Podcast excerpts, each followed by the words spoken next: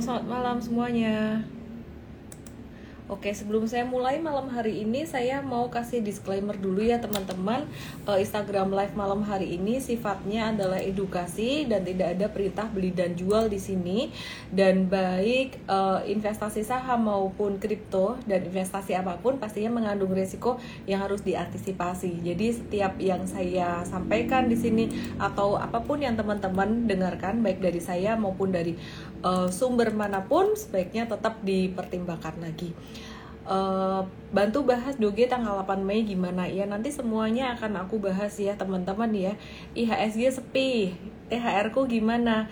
Oke teman-teman saya akan mulai coba untuk bahas dari uh, IHSG dan nanti saya akan bahas untuk kom untuk sentimen global dan juga nasional. Atau kebalik ya aku bahas global nasional dulu deh baru aku bahas IHSG selamat malam semuanya. Selamat malam. Oke, aku coba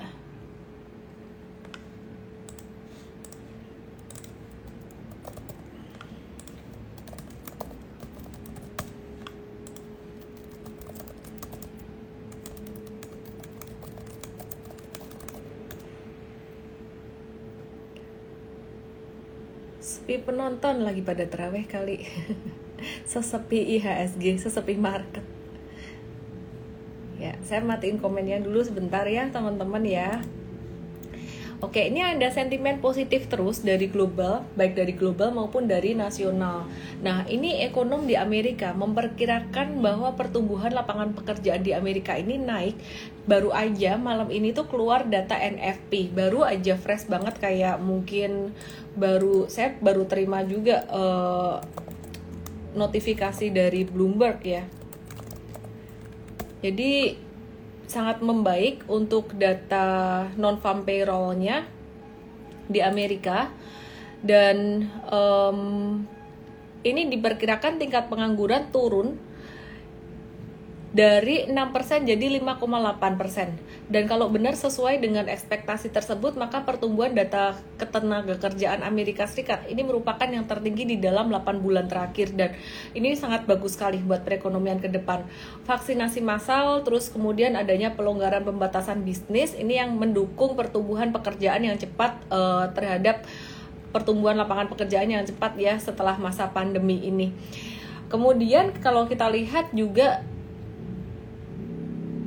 kalau kita lihat juga ya teman-teman ya dari China, China dan Australia ini hubungannya masih belum membaik dalam waktu dekat dan China menangguhkan semua dialog ekonomi tingkat tinggi dengan Canberra sampai waktu yang belum ditentukan.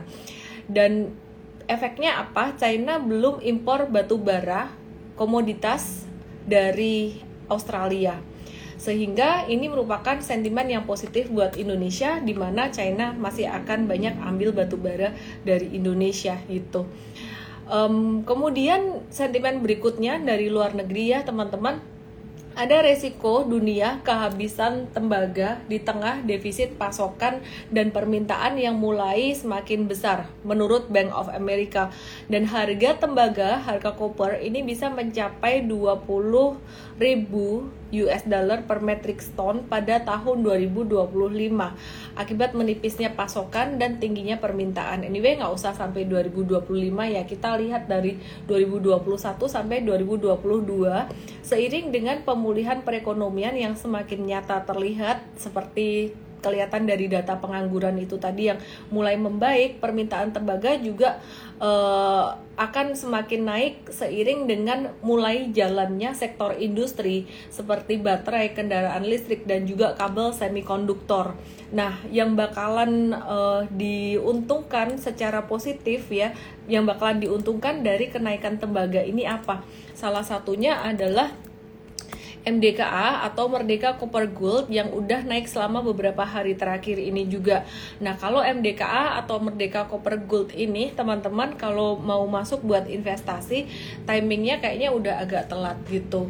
Tapi kalau misalkan teman-teman mau trading better nunggu uh, dia turun ke area support sekitaran 2450-an sampai 2480. Yang udah cuan ya siap-siap profit taking aja gitu.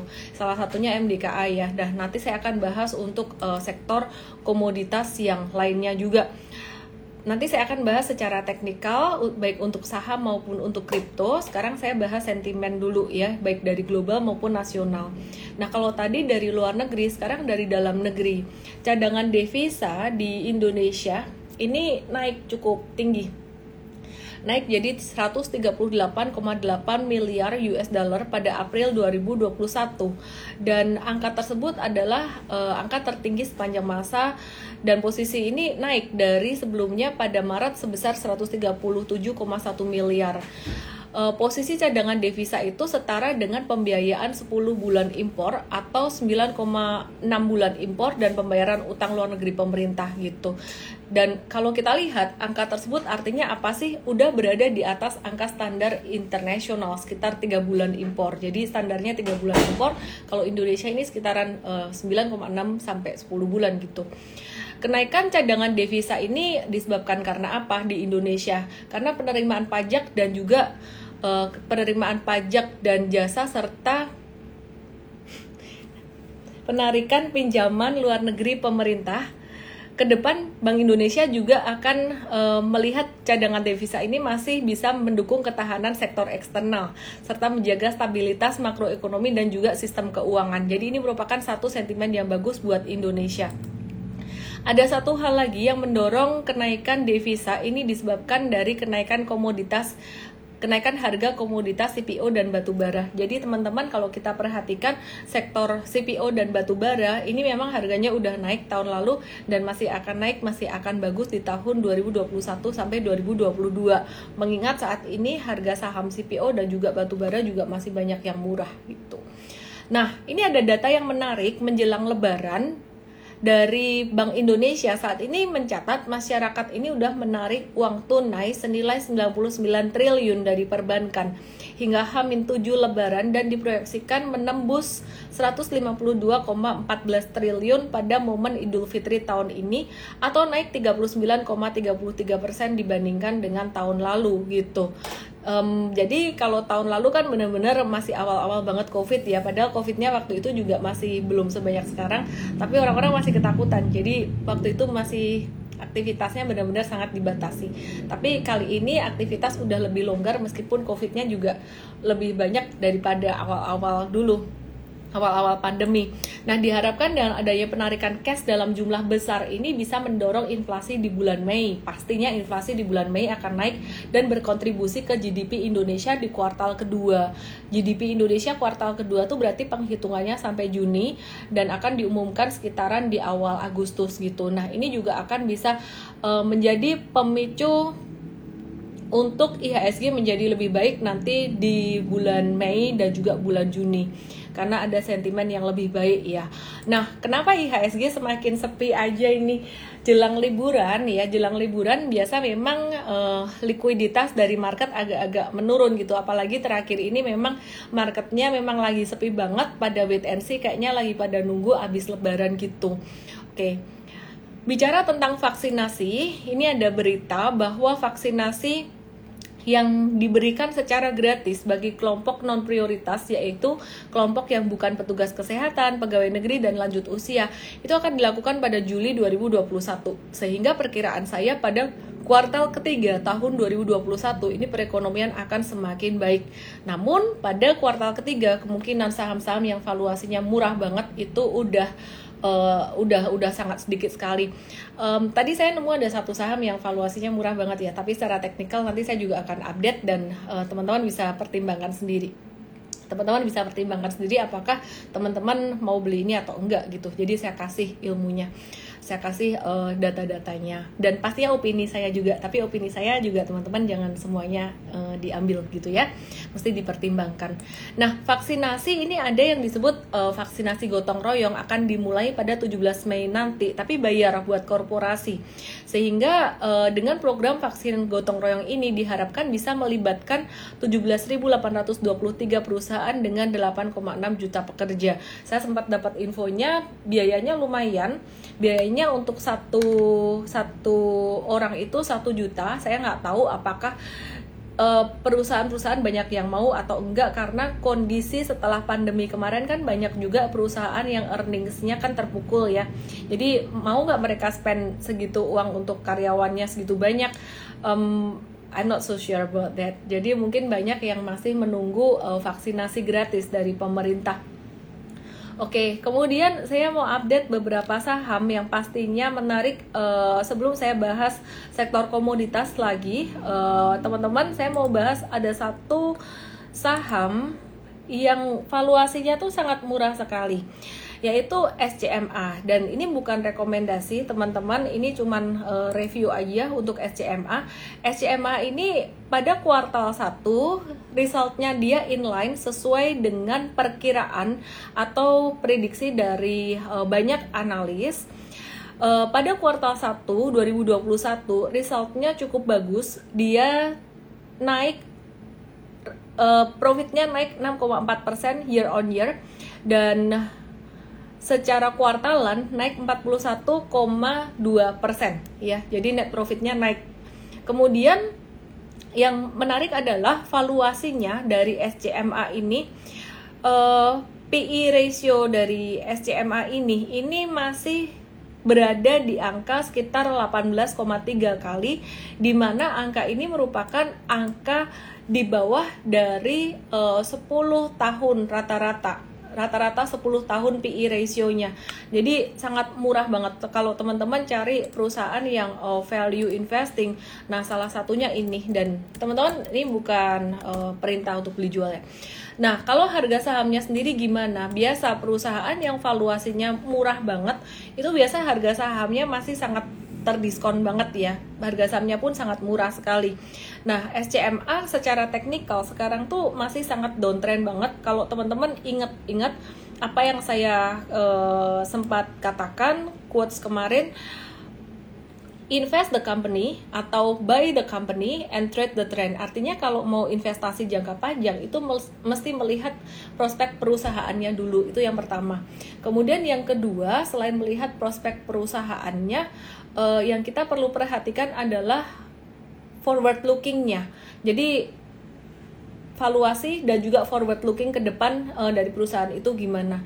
Baru yang terakhir adalah technical ini pelengkap atau tambahan aja kalau buat investasi gitu. Barangkali bisa dapat harga lebih baik. Nah, kalau secara fundamental tadi valuasinya sangat murah sekali. Terus kalau secara bisnis gimana? Secara bisnis dia juga cukup stabil dan udah mulai masuk ke bisnis digital juga uh, seperti ada ini ya uh, ada paket-paket platinum kemudian Fox Sports and Gold uh, untuk nonton TV streaming gitu jadi cukup murah paketnya untuk yang gold itu 30 hari 19.000 rupiah kalau Fox Sportsnya 49.000 dan banyak paket yang lain yang sangat terjangkau oleh masyarakat. Uh, saya nggak tahu apakah banyak orang yang tahu ini atau enggak. Jadi paket premier videonya dari SCMA. Oke. Kalau secara teknikal gimana? Teknikalnya super murah banget teman-teman dan lagi di area support juga 1480 saya melihat ada tanda akumulasi di mana ada kenaikan harga yang lumayan signifikan. Pada tanggal 29 April itu naik 4,73% dengan volume transaksi yang lumayan tinggi. Dan pada 28 April kemarin juga transaksinya sangat tinggi sekali. Ini pas di harga bottom di harga 14.30 ya. Jadi harga yang dekat-dekat dengan harga sekarang juga. Nah, saya memperkirakan uh, eh, SCMA ini juga akan terjadi akumulasi oleh Big Fund karena bisnisnya dia juga sudah mulai semakin menarik ya, udah mulai masuk ke ranah digital juga dan valuasinya yang jelas valuasinya sangat-sangat murah sekali. Jadi disclaimer teman-teman ini bukan rekomendasi untuk trading, ini cuma review untuk uh, teman-teman yang mau cari perusahaan yang valuasinya sangat murah atau sangat terdiskon. Oke. Okay.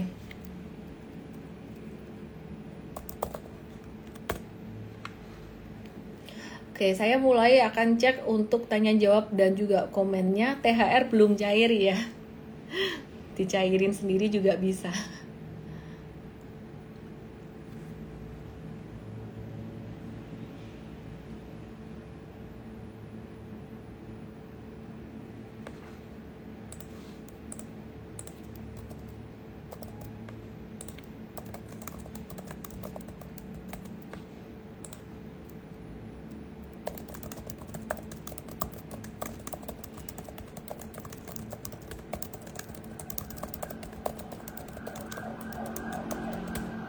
Oke. Okay.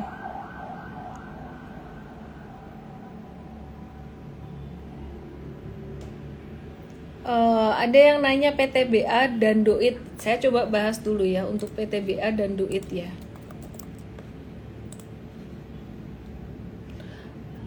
PTBA-nya masih masih tren turun. Um, kita masih wait and see buat PTBA. Terus kalau Duit Duit ini dia lebih trennya lebih bagus daripada PTBA sekarang masih ketahan di area support 36 sekitaran 366 jadi teman-teman wait and see dulu aja ya untuk jangka pendeknya.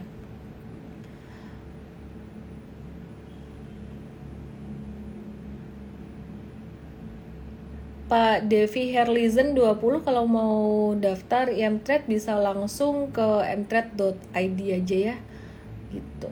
Oke. Okay.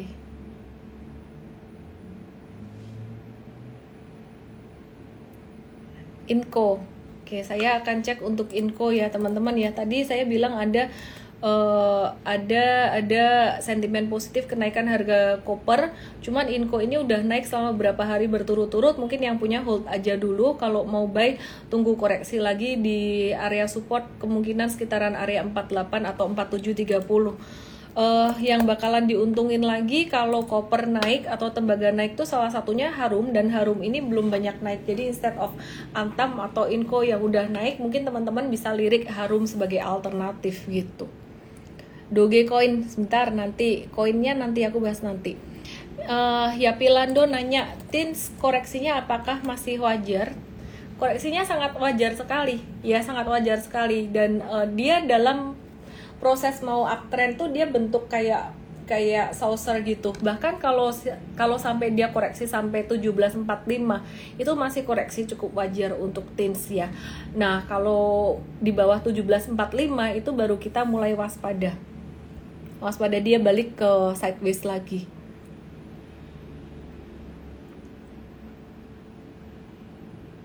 Ini kenapa IHSG merah padahal DJI naik cukup tinggi karena mau liburan. Inco dividen come date hari ini ya berarti besok mungkin bisa koreksi dikit harganya. Unilever apakah masih layak diinvest? Kemarin sih saya ada bahas ini ya, setiap hari bahas Unilever, bosan nggak?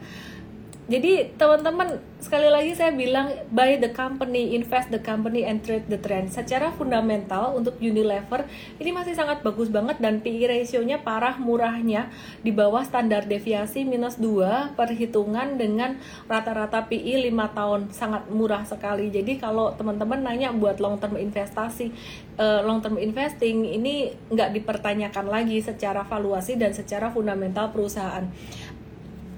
Unilever, ICBP, GGRM, HMSP merupakan perusahaan yang cocok dibeli dikit-dikit, nyicil dikit-dikit dengan cara nabung saham. Jadi bukan dengan cara lamsam ya, karena dia defensif dan saat ini uh, appetite dari big fund masih ke perusahaan yang cyclical. Tapi kalau teman-teman mau benar-benar nangkep dapat harga di bawah ya caranya gitu, masuknya dikit-dikit gitu ya, jangan dihabisin duitnya sekali hajar gitu baik dia turun maupun naik. Nanti kalau misalkan dia uh, ada reversal bentuk V, W ataupun U uh, teman-teman tetap beli terus bertahap gitu.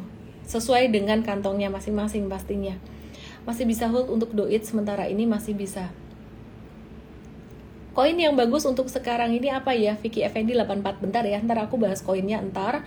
Um, by the way malam hari ini aku live nya nggak lama karena jujur aku ngantuk banget. Aku ngantuk banget aku nggak tahu obatnya ngantuk apa tidur pastinya ya. Mungkin karena IHSG sideways terus jadi saya ngantuk kan HMSP mau bagi dividen kok nggak naik gak ada hubungannya. Nggak ada hubungannya mau bagi dividen naik atau nggak naik nggak ada hubungannya. Uh, jadi satu saham itu bakalan naik cepat atau enggak kalau misalkan ada banyak ada banyak investor yang masuk. Retail sih sebenarnya kalau dibilang retail nyangkut dan diem nggak juga loh. Kepemilikan retail di saham Indonesia ini nambah 30% meskipun cryptocurrency lagi ngehits tapi di saham tetap nambah gitu. Cuman yang memang bikin uh, market agak lesu itu foreign. Foreignnya belum masuk lagi. Nah nanti tunggu kalau foreignnya udah lihat Indonesia mereka udah seneng lihat laporan keuangan kuartal 1 udah membaik dan setelah lebaran mungkin mereka ngelihat COVID-19 juga dan juga uh, eh, BPJS ketenaga kerjaan kan hengkang dari saham ya hengkang dari investasi saham mereka akan lihat juga kondisinya gimana perkiraan saya ya Mei pekan ketiga atau mungkin bulan Juni awal. Semoga sudah membaik. Trio metals tadi aku udah bahas, tins tadi juga udah aku bahas sekilas ya. Koreksi normal-normal aja teman-teman. Antam juga bakalan koreksi, koreksi normal gitu. Jadi kemarin kita ada profit taking juga untuk Antam sekitaran 3 sampai 6% pada tanggal 5 Mei dan bisa koreksi normal sampai 2470 jadi teman-teman yang jangka pendek uh, semestinya sih udah profit taking dulu. Makanya kalau metals meskipun harga copper naik tinggi tetap short term ada fluktuasi uh, yang sekarang belum jalan tuh sisa harum. Jadi bisa uh, watch untuk harumnya. TKO gimana? Sabar ya. Oke, TKO apalagi? Christina Sunyoto, IHSG merah karena hari ini hari terakhir untuk dapat cash sebelum lebaran. Oke oke oke. Masih sideways sideways aja kok. Trennya belum berubah, belum jadi tren turun. Nemo 19 uh, Unilever kondisinya downtrend secara fundam secara fundamental dan teknikal masih pantas untuk diinvestasi. Tadi saya udah jawab ya, memang earningsnya dia agak turun dikit tapi masih oke okay secara fundamentalnya. Tapi memang lama banget kalau investasi harus sabar. Uh,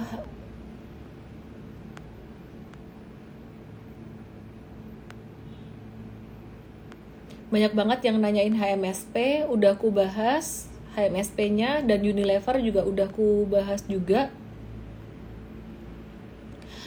Dimas Salam satu nyali 1927 Bagaimana cara membatasi risiko untuk cut loss? Karena saya sering kepagian masuk satu saham dan sering jebol di support. Sebenarnya bukan salahnya Dimas sih tapi marketnya memang lagi sideways. Jadi tipsnya untuk membatasi risiko untuk bukan untuk membatasi risiko cut loss ya. Maksudnya mungkin membatasi risiko dari nominal nominal yang uh, rugi itu jangan gede-gede. Caranya nomor satu paling gampang banget aset alokasi dari awal. Selalu penting banget. Jadi sebelum masuk ke saham lihat dulu oh saham sekarang kondisinya lagi sideways. Berarti mungkin jangan gede-gede masuknya di saham. Kalaupun masuk di saham 80% buat investasi buat perusahaan yang uh, investasi secara siklikal ataupun secara defensif ya. Nah, baru sisanya 20 atau 30% buat trading. Nah, nanti kalau market ini trennya sudah mulai naik, udah balik lagi kayak bulan November kemarin, Oktober, November, Desember atau April, Mei, Juni, Juli, Agustus seperti 2020 kemarin. Jadi kalau trennya udah mulai naik, itu boleh porsinya buat trading ditambahin dikit tuh boleh secara percentage. Kuncinya sebenarnya itu aja. ama dibatasin jumlah sahamnya sih. Jadi kalau buat pemula 10 saham tuh udah banyak banget. Logikanya kalau misalkan nih contoh ya uh, punya uang 100 juta buat trading 20% berarti 20 juta aja. 20 juta maksimal buat 10 saham. Ada yang uh, maksimal 5 saham boleh nggak? Bisa banget gitu tapi jangan buat satu saham nanti resikonya terlalu besar juga. Contoh maksimal buat uh, eh, 5 saham deh berarti satu sahamnya 4 juta satu saham 4 juta kalau misalkan teman-teman melakukan pembatasan risiko uh, ini biar angkanya gampang ya 10% gitu. 10 10% dari 4 juta berarti 400 ribu. 400 ribu dibandingkan dengan modal teman-teman semuanya keseluruhan modal awal itu sekitaran 0,4% aja. Jadi itu istilah kata dengan money management dengan aset alokasi it won't hurt your wallet gitu. It won't hurt your portfolio itu sih caranya ngatur risiko UN, UNVR selalu ditanya ya bangun imam ditanya bottomnya kapan? Aduh iya nih Unilever ditanya terus. Uh, Unilever udah bottom nih perkiraan aku nih udah bottom banget sekitaran 5500 kalau misalkan turun lagi cuman dikit doang sampai 5250 disclaimer ya teman-teman.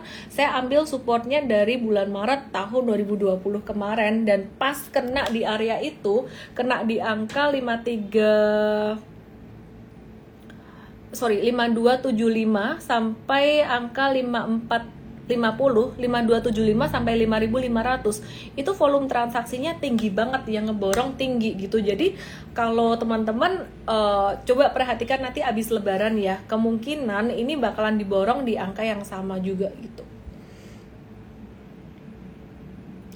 Unilever PBV-nya kok mahal? Um, Unilever PBV-nya kok mahal dilihat dari mana dulu? Kalau dilihat dari angkanya PI ratio 30 itu mahal Unilever atau PBV-nya dibandingkan dengan teman-teman yang lainnya eh, saham consumer memang mahal. Tapi kalau dibandingkan secara sektoralnya dibandingkan secara sektoral eh sorry kok secara sektoral secara historikalnya dari tahun-tahun sebelumnya itu dia benar-benar di bawah standar deviasi. Jadi ini rata-rata rata-rata PI atau PBV 5 tahunnya ini standar deviasi minus satu ini di standar deviasi minus 2 sangat murah sekali. Congan 3487 miss pom pom Unilever pasti nyangkut ya miss. Enggak kok aku nggak punya banyak Unilever. Uh, aku punya sedikit Unilever just hold aja gitu dan I just don't care with Unilever sih karena portfolio saya juga nggak banyak di situ. Anyway karena kalian banyak nanya makanya saya jawab. Itu aja. Uh, bang gimana? Sidewaysnya bagus ya bang? Retail sama poultry cocok di hold sampai lebaran aja untuk trading. Untuk poultry aku kita antisipasi untuk poultry ini ya. Poultry sekarang balik di support lagi. Memang untuk cepin Java ini lagi di area support eh sorry Java nggak disupport. Java nggak disupport. Cepin yang disupport. Cuman kita antisipasi abis Lebaran itu uh, permintaannya bakalan berkurang gitu. Jadi kita nggak masuk lagi sementara ini belum masuk lagi ya untuk poultry Oke, okay, ya. Jadi terakhir kita trading poultry itu Malindo Feed Mill. Kita jualan di 29 April kemarin sekitaran cuan 5,4% sampai 6 persenan gitu.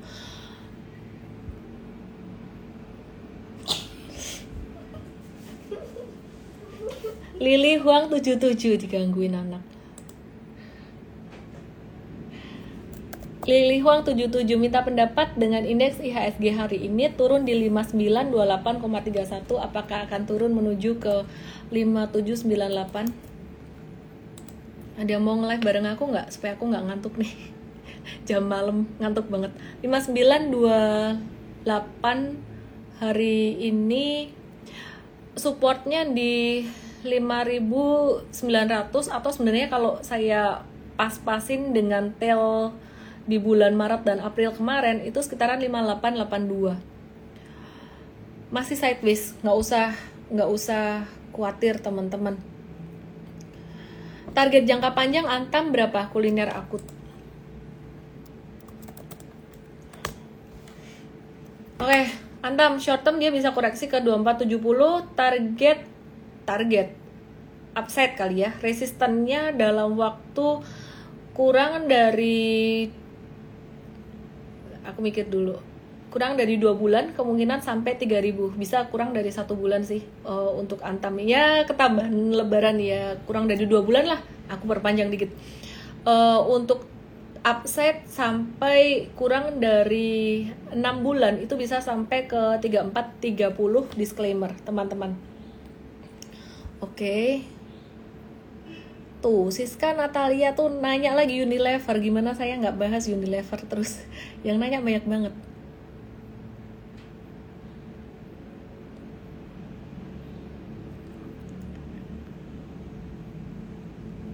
Unilever udah hampir bottom teman-teman Oke, okay, Miss bikin pembahasan koin lah di YouTube. Ah, di Instagram aja lah sama aja mau YouTube mau Instagram. Oke. Okay. Uh, eh, koin ya, yang pengen dibahas tentang koin mau koin apa dulu nih? Koin apa dulu? Koin apa dulu? Aduh, pertanyaan banyak banget. MDKA udah aku bahas. Oke, sebelum bahas koin, aku mau bahas RALS dulu. Banyak permintaan di RALS. RALS ini balik ke support. Kita udah exit RALS lagi tanggal 4 Mei kemarin. Uh, ini dia dekat supportnya di level 700, 710.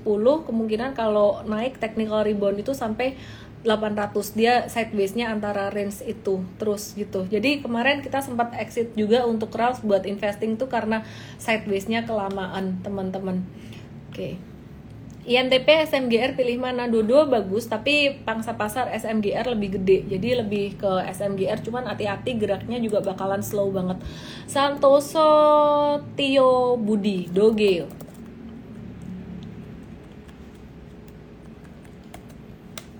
Oke, Doge, Doge USDT. Uh, eh, setelah dia si Dogi nih ya, Dogi setelah dia mengaum, Doginya mengaum 156% dari bottomnya di 26 April kemarin ini dia mulai konsolidasi. Teman-teman kalau belum punya doge ini jangan buru-buru masuk ya jangan buru-buru masuk. Kenapa? Karena bakalan bisa dikasih diskon kalau penasaran masuknya tiny portion aja bener-bener kayak kecil banget. Mungkin seper jangan lebih dari 20% dari porsi yang buat doge ini. Jadi misalkan punya duit misal ya misal contoh ya 100 juta uh, buat satu koin contoh nih misalkan satu koin misalkan eh, uh, 20 jutaan gitu ya jadi aset alokasi dulu di awal baik di saham maupun di koin.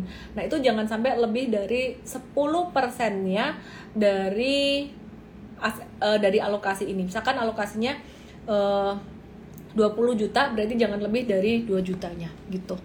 Oke. Doge nawar di harga berapa? Doge kalau aku ngitung bisa tawar sekitar level yang pertama ya support yang pertama buat nawar itu sekitaran 0,5 sekitaran 0,5 kemudian yang kedua itu sekitaran 0,4 ya 0,4 41 deh 0,41 0,5 dan 0,41 kok jauh banget? Ya coba deh di 0,5 dulu uh, ambil dikit gitu banyak yang nggak percaya kayak masa sih bisa turun sampai ke 0,41 ya we never know uh, buktinya doge waktu dari high-nya pada 16 April kemarin, 16 April pas tinggi-tingginya, dia tuh sempat turun sampai 23 April, tuh turun 66% loh. Jadi dari puncak uh, 16 sampai 21 itu turunnya tuh 66%. Jadi kalau kita hitung dengan kita hitung dengan asumsi yang sama itu bisa banget balik ke 0,41 cuman we never know. Makanya tadi saya kasih dua support di 0,5 bisa ini. Hmm, oke. Okay. hari ini ada beberapa koin yang breakout. Ada USDT itu breakout ya. Ada USDT breakout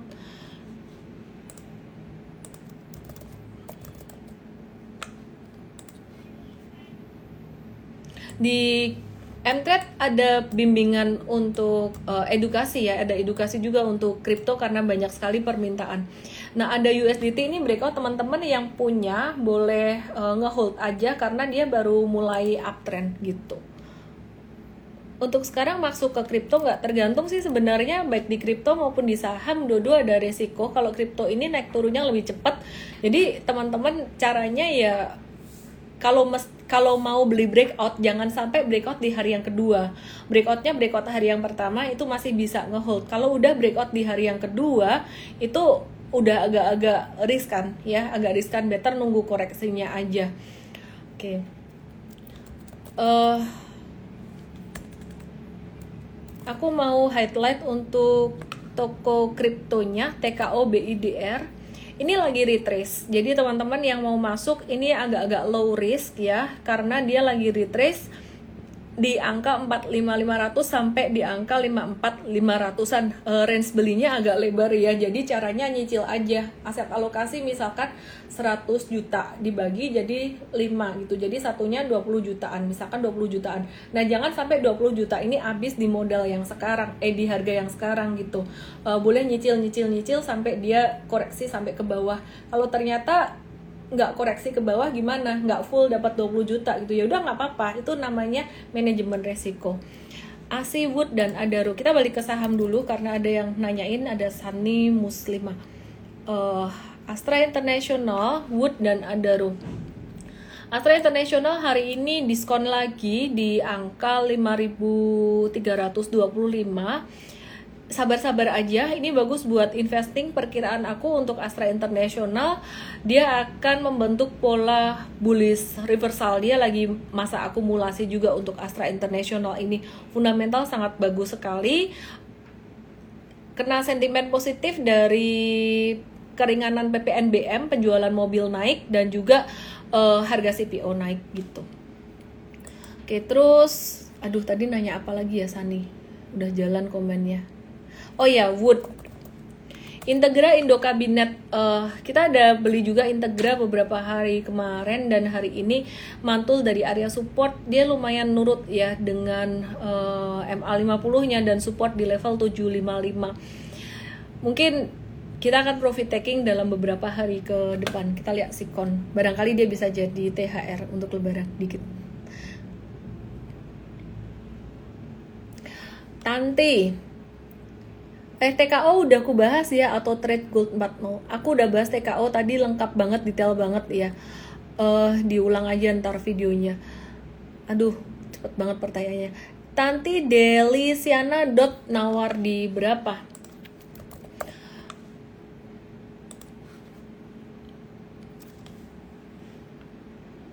Hmm, dotnya masih sideways banget. Nawar di berapa ya? Bentar ya supportnya sih di 37,3 sekitaran 37,3 oke. Okay. TKO breakout. Masa sih TKO breakout?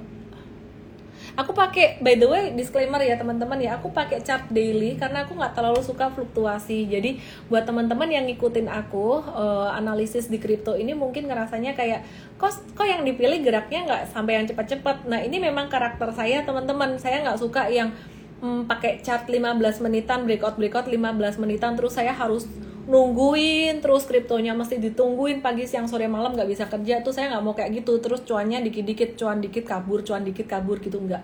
Jadi aku suka ngehold kayak mungkin kebiasaan di saham ke bawah juga uh, win USDT, win Tetris, ini winnya juga udah mulai menunjukkan tanda pembalikan arah. Sideways di bawah tuh dia udah mulai kayak bentuk huruf double bottom. Dan dia juga nurut dengan MA berapa ya ini?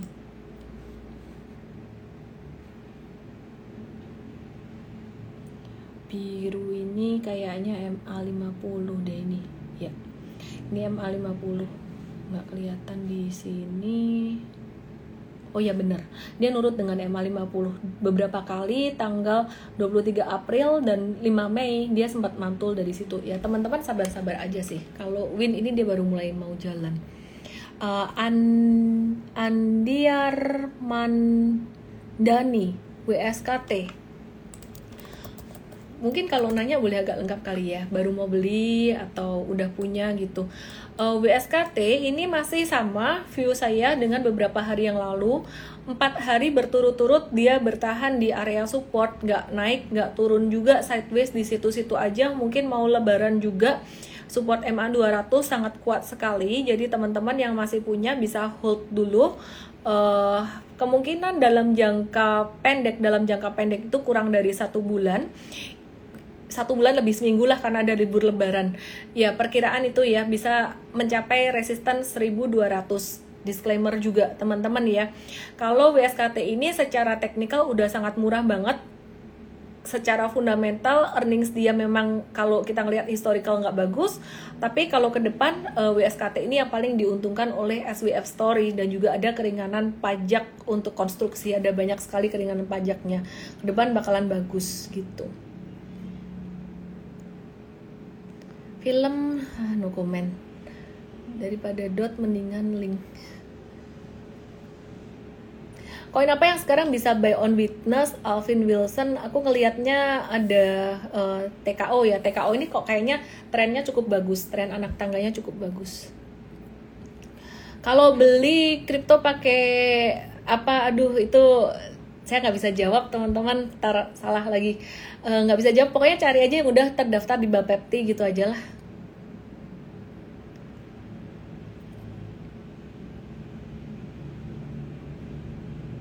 USDT BIDR gimana Rexit Gar aku nggak pernah tradingin USDT ya itu paling cuman buat uh, pindah beli USDT itu buat beli koin yang lainnya lagi gitu BTT breakout. Coba aku lihat ya BTT ya. Habis ini BRI ya. Habis ini ke saham lagi.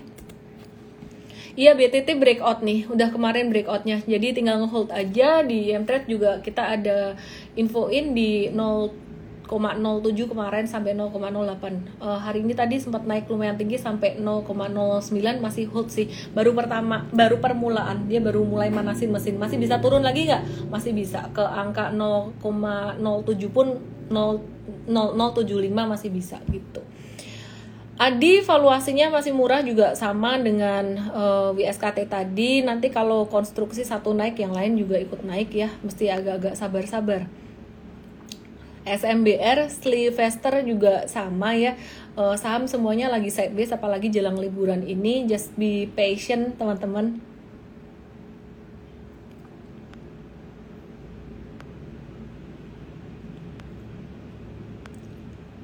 Era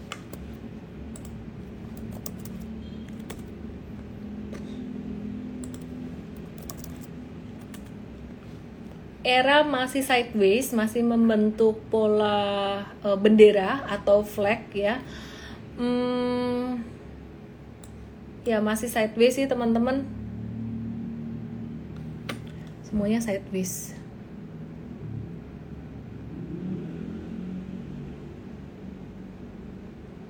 Lagi Andiar Mandani Asa support setelah 2000 berapa?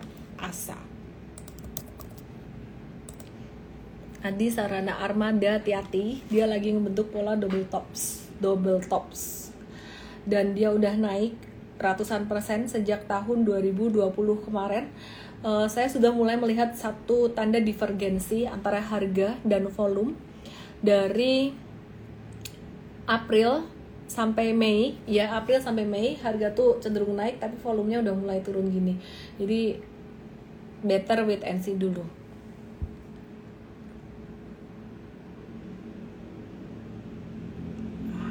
target BTT Alvin Christianus BTT USDT uh, resisten satunya di 0,0091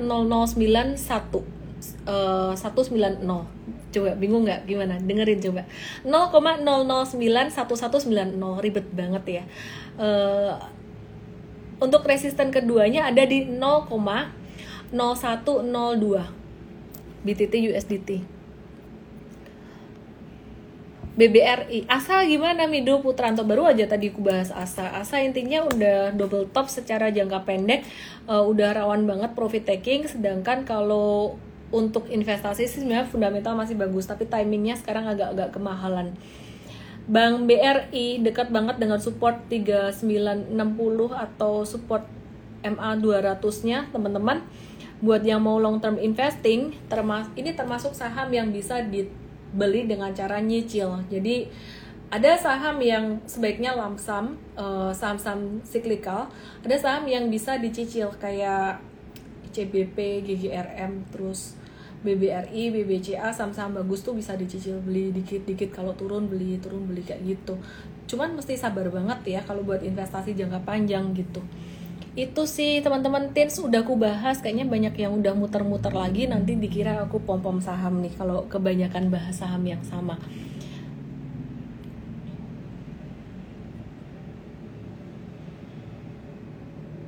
Dendi Satrian dulu katanya HMSP GGRM Unilever. Taunya nunggu turun terus. Iya makanya aku bilang kalau untuk investasi jangka panjang itu mesti sabar. Yang namanya value investing itu bukan buat di hold kayak sehari naik gitu. Jadi uh, nih Suyanto Chen 82 Enci mau nanya HMSP saya minus 7% apa mau diganti ke saham yang lain? Atau mungkin ada yang nanya ganti ke kripto atau gimana gini kalau memang uh, goalnya untuk mendapatkan keuntungan dalam jangka pendek jangan masuk HMSP, GGRM, uh, eh, ICBP, Indofood, Unilever apalagi jangan masuk ke situ kalau goalnya jangka pendek. Exit aja tukar yang lain yang lebih cepat. Anyway saya cuma mau ngomong di market sekarang IHSG trennya sideways semuanya juga lagi di situ-situ aja uh, nggak ada yang sampai yang menarik banget gimana to be perfectly honest gitu. Kalau mau ditukar ke kripto harus sangat hati-hati juga kalau nggak ngerti analisis teknikal agak-agak riskan. Tapi kalau mau buat jangka panjang banget boleh. Jangka panjang di atas setahun gitu.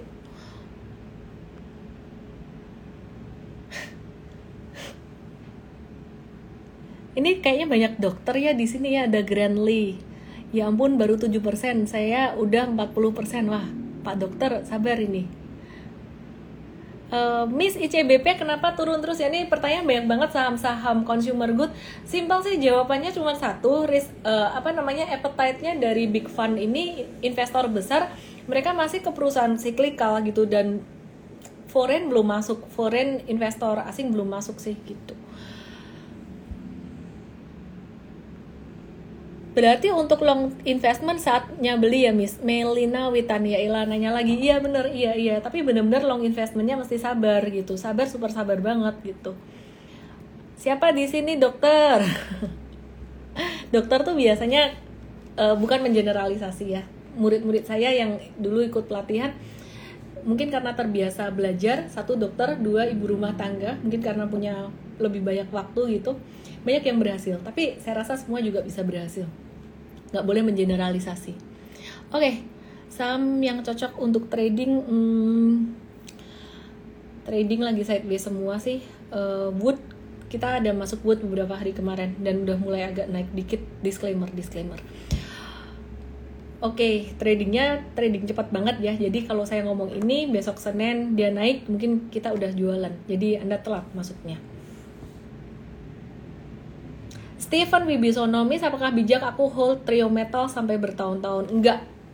Trio metals itu cyclical. Kalau aku lebih ke trading atau hold jangka menengah aja. Uh, Yo Johans, orang sabar harus buy Unilever. Orang kelebihan duit tepatnya. Maksudnya nggak nggak berharap yang cepat-cepat uh, returnnya. Medco Medco upside bisa sampai ke berapa? Ada Budi Kaiing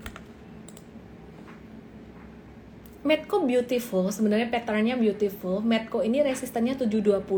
Kalau sampai dia kena di 720 itu patternnya cup with handle loh. Dan oh iya, last but not least aku mau wrap up. Komoditas sekarang masuk watchlist banget. Oil bakalan naik terus, terus kemudian uh, copper juga dan komoditas lain termasuk CPO. Coal ini uh, dalam beberapa bulan ke depan masih akan bagus gitu itu aja sih uh, halo Cici koin yang kripto bagus untuk jangka panjang apa Daniel DGS 8 kripto aku nggak pernah buat jangka panjang gimana ya buat jangka menengah aja follow the trend. Kalau kripto pakai strategi follow the trend aja sih aku. Mau swing trading juga nggak apa-apa gitu. Uh, Adrian Susanto 7 kalau info boleh nggak untuk simpan jangka lama? Jang, jangka lamanya bukan untuk jangka menengah bukan sih. Kalau aku krip Inko itu lebih ke misalkan kalau untuk jangka menengah ya paling beberapa bulan aja. Jangka panjangnya Inko tuh beberapa bulan aja. Uh, banyak yang suka mungkin dari analis yang aku invite kali ya. Ada beberapa analis tuh yang suka Inco karena dia prospek green energy bagus untuk very very long term. Tapi sekali lagi untuk time horizon mesti harus dikembalikan ke ke karakter masing-masing orang nggak bisa ngikut semuanya disamain. Ye Prabandari. Bener aku nunggu Unilever 5000 ah belum tentu dikasih. Jadi strateginya yang paling benar tuh ya masuk dikit-dikit. Kalau turun dia masuk uh, masuk dikit. Nggak turun pun bulan depan kalau dia ada naik ya masuk dikit gitu. Tapi mesti siap-siap lama lama. Jadi nggak langsung uh, cepat naik. Kayak duit nganggur banget yang dimasukin situ Oke, okay. okay, thank you semuanya. Salam profit, selamat malam and stay healthy everyone.